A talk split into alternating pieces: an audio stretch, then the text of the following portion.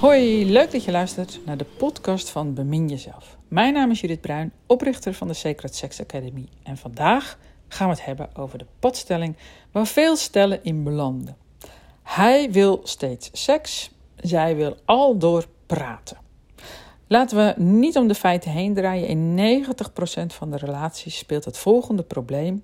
Eén van beiden wil meer seks en de andere wil eerst praten. Meestal wil de man meer seks en de vrouw praten. Uh, maar het is ook wel eens andersom natuurlijk. En beide is niet goed of fout. Het is gewoon een andere strategie om bijvoorbeeld je, behoefting aan, je behoefte aan verbinding of plezier of genot te vervullen of uh, liefde, aanraking, intimiteit en seksualiteit natuurlijk. Uh, dus de echte vraag is dan ook: hoe kom je nou tot elkaar? Want zo'n padstelling, uh, dat gaat niet vanzelf over, zeg maar. En um, er zijn gewoon belangrijke verschillen tussen mannen en vrouwen. Naast hun uiterlijk natuurlijk. En die vragen wat kennis en ook oefening om die te overbruggen. Nou, eerst een stukje kennis. Mannen krijgen in driekwart van de gevallen spontaan zin in seks. En uh, in één kwart van de keren is dat responsief. Dus bijvoorbeeld na flirten of aanraking of zoenen of een massage of een goed gesprek. Dus dan ontstaat er een gevoel van veiligheid, um, geborgenheid, uh, intimiteit. En dat maakt eigenlijk de weg vrij naar seksualiteit. Niet altijd, maar wel vaak. En bij vrouwen is dat precies andersom. Dus maar één kwart van de vrouwen krijgt spontaan zin in seks. Dus uh, je zit op de fiets of je bent met iets bezig of uh, ik weet het niet, uh, van alles en nog wat wat vrouwen de hele dag doen. en je denkt gewoon aan seks en je denkt, nou, ik, ik zou best wel seks willen nu. dat doet dus maar één kwart van de vrouwen en drie kwart van de vrouwen die wil liever eerst aangeraakt worden op op een betamelijke manier vaak ook nog.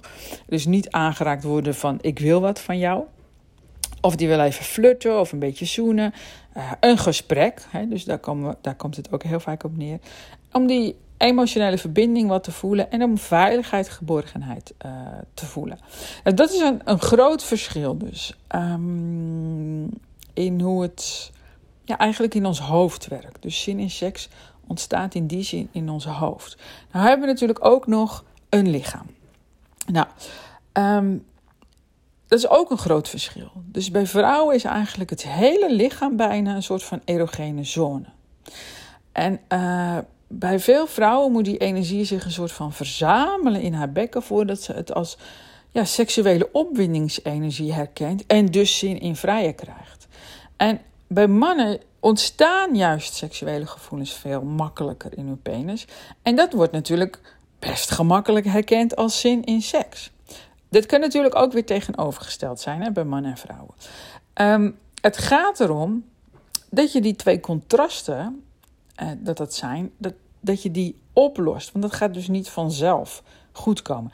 Tuurlijk wel als je knetter verliefd bent en allerlei hormonen door je heen stromen, hè, dan, dan gaat het allemaal geweldig. Dus in de meeste relaties is seks in het begin ook geweldig. En uh, dat is ook logisch, want daar komen ook kinderen uit voort. En, en het is ook eigenlijk logisch dat als je een paar kinderen hebt gemaakt, biologisch gezien logisch, dat dit allemaal niet meer zo nodig hoeft.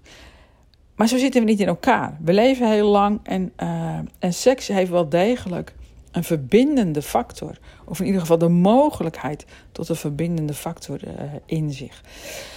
En nu heb je dus al ontdekt waarschijnlijk, hè, anders luister je deze podcasten niet, um, dat de seksuele aantrekkingskracht die jullie bij elkaar heeft gebracht, dat is niet genoeg om jullie steeds uh, tot elkaar te brengen. Omdat het steeds leidt uh, tot seks. Die seksuele aantrekkingskracht is vaak ook gewoon verdwenen. Dus ja, ben je nou de verliefdheidsfase voorbij? Houd je nog van elkaar? En wil je weer dat seks iets wordt wat jullie verbindt? Dan is er eigenlijk niet zoveel meer nodig dan dat de ene partner, meestal de man, de seksuele energie door zijn hele lichaam leert laten stromen.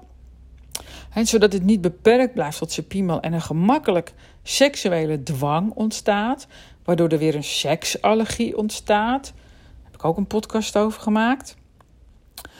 Uh, want als er dwang ontstaat, wordt dat onmiddellijk opgemerkt door die andere partner. En dat wordt als onplezierig ervaren. Maar tegelijkertijd ook als iets van waar je niet precies kunt verwoorden wat er nou niet klopt. En uh, misschien doe je dat ook al wel jaren zo. En dan kom je heel snel terecht bij, bij gunseks. Uh, dat je denkt, nou ja, uh, doe maar, we doen het al heel lang zo. hij, meestal hij, hè, wil nou eenmaal graag seks. ik doe het wel, dan ben ik er weer een tijdje vanaf. En ach ja, als ik eenmaal bezig ben, is het niet onplezierig. nou ja, doe maar. Um, dat kun je een tijdje volhouden. Maar eigenlijk ga je over je grenzen heen. En als je te lang over je grenzen heen gaat, dan uh, zijbelt seks gewoon een beetje uit je relatie. Want ja, jij maakt geen aanstalten. En eigenlijk als man uh, is gunseks ook helemaal niet prettig. Uh, voor veel mannen dan. Ik bedoel, je mag iets. Ja, je hebt veel liever dat ze zich aan jou overgeeft, natuurlijk. Wat nou, oh, ik mag mijn ding doen. Nou, nou, lijkt me helemaal niet leuk als man. Maar goed, ik snap ook wel dat je dat als man gewoon wel af en toe even doet. Daar gaat, daar gaat het helemaal niet om. Waar het om gaat is dat je dat als vrouw um, toestaat. Misschien wel op aanstuurt. Maakt allemaal niet uit. Je gaat over je eigen grenzen heen. En, en daarmee ontstaan er als het ware. Ja, dat is een beetje zweverig misschien. Maar er ontstaan energetisch soort van scheuren in de, ja, de beschermlagen om jou heen. Noem je ook uh, de zeven sluiers. Dus er zijn allemaal energetische lagen om ons heen die ons beschermen. Gaan we over onze grenzen heen of laten we daar overheen gaan, of allebei, uh, dan ontstaan daar scheuren in. En op een gegeven moment zijn er zoveel scheuren in dat die lagen jou niet meer kunnen beschermen. Wordt het zo onveilig dat je zegt: Nee, ik wil helemaal geen seks meer. Ik geef niets om seks. Seks is voor mij een gepasseerd station. Um, dus allemaal heel logisch. Ook allemaal uh, onnatuurlijk en eigenlijk ook wel ongezond. Want jij kunt afnemen van, afscheid nemen van je seksuele organen, maar seksuele energie neemt geen afscheid van jou. Dus het gaat uh, een eigen leven leiden, als het ware. Dus de seksuele energie stroomt wel door je heen, maar je hebt er. Je ontkent het, je hebt er afscheid van genomen. Misschien onderdruk je het zelfs wel, maar dat ben je vaak niet bewust. En dus gaat het een eigen uh, leven leiden. Uh, en dat uit zich in dwangmatig handelen, in allerlei verslavingen. Dat is ook een vorm van dwangmatig handelen natuurlijk. Daar zit je helemaal niet op te wachten, maar je weet niet dat het daarmee te maken heeft. Dus hoe kom je bij elkaar? Nou, de man vaak heeft uh, te leren hoe seksuele energie niet alleen in die piemel blijft en ook nog naar die top wil en eruit wil. Wat een hele natuurlijke reactie is als je kinderen wilt maken. Maar waarschijnlijk zit je niet meer in die fase van kinderen maken. En wil je wel een leuke seksuele relatie, dan heb je iets te leren als man. En voor de meeste vrouwen geldt dat ze hun seksualiteit weer hebben aan te wakkeren.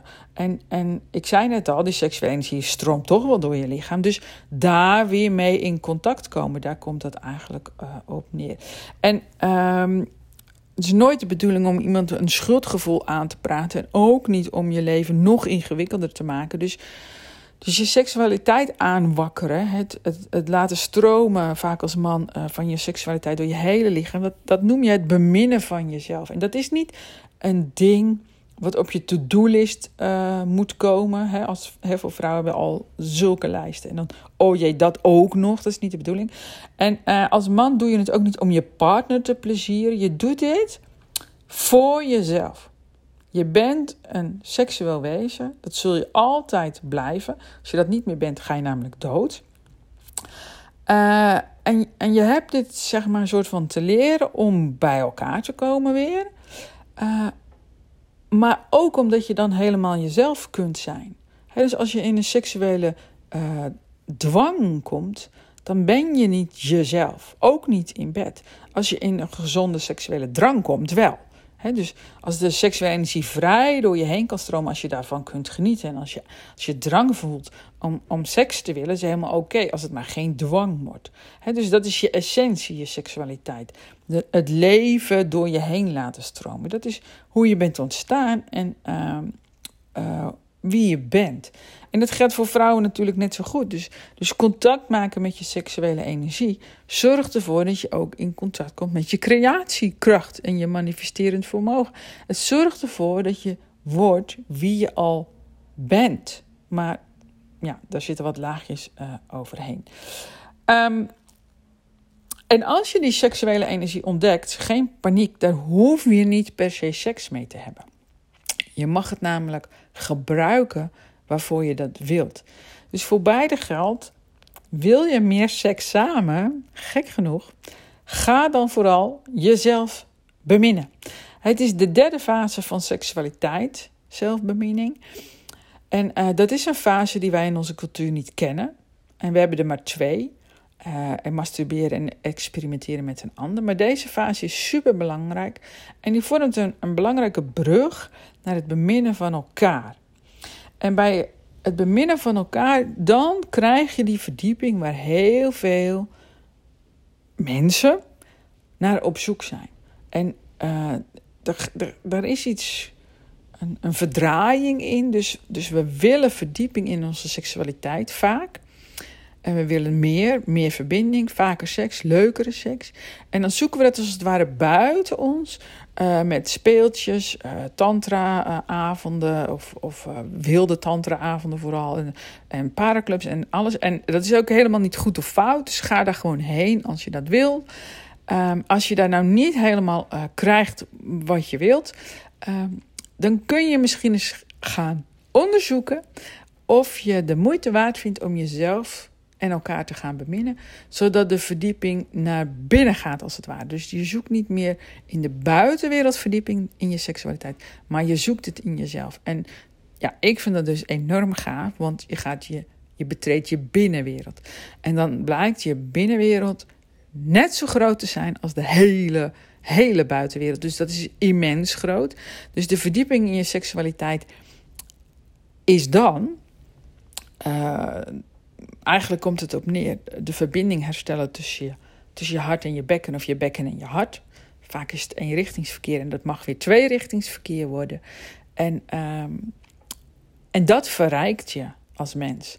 Want dan kom je weer in lijn te staan.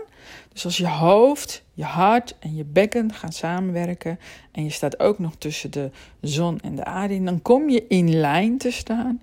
En uh, het zwaartekracht gaat, of het zwaartepunt eigenlijk, zwaartepunt is het, is het juiste woord, van, gaat vanuit het hoofd weer naar beneden. Dus nu ligt bij heel veel mensen het zwaartepunt in het hoofd. Dus we denken heel veel. Uh, we voelen in ons hart ook nog wel iets, maar in ons bekken uh, echt aanwezig zijn. Dus ik bedoel niet even met je piemel spelen of, of wat dan ook, maar echt aanwezig zijn daarbij met je bewustzijn dat is voor heel veel mensen heel ingewikkeld. En dus onze, dat is onze basis. En onze basis heeft te maken met veiligheid. En heel veel mensen voelen zich onveilig. Dus uh, het kan best zijn dat jij af en toe heel uh, fijn vindt om in je bek aanwezig te zijn. Maar de meeste tijd zul je in je hoofd aanwezig zijn. Nou, oké. Uh, die drie bollen, als het ware. ja, in, in, in balans brengen, in, in uh, uitlijnen is eigenlijk een beter woord. En aanwezig zijn in alle drie. Dus het is niet dat je niet in je hoofd aanwezig mag zijn, je hoofd hoort er gewoon bij. Dat verrijkt, gek genoeg, je seksuele leven. Daar ging het uiteindelijk om. Hij wil altijd maar praten, of nee, hij wil altijd maar seks, zij wil steeds praten. Hoe komt dat bij elkaar? Door het beminnen van jezelf en elkaar. Nou ja. Heb je hier iets aan gehad? Abonneer je dan op uh, dit kanaal. Ik heb ook een YouTube-kanaal, heet ook Bemin Jezelf. En er staan hele interessante video's voor je klaar. En op mijn website www.secretsex.nl vind je alles over het beminnen van jezelf en elkaar. Bedankt voor het luisteren. Bemin jezelf en elkaar.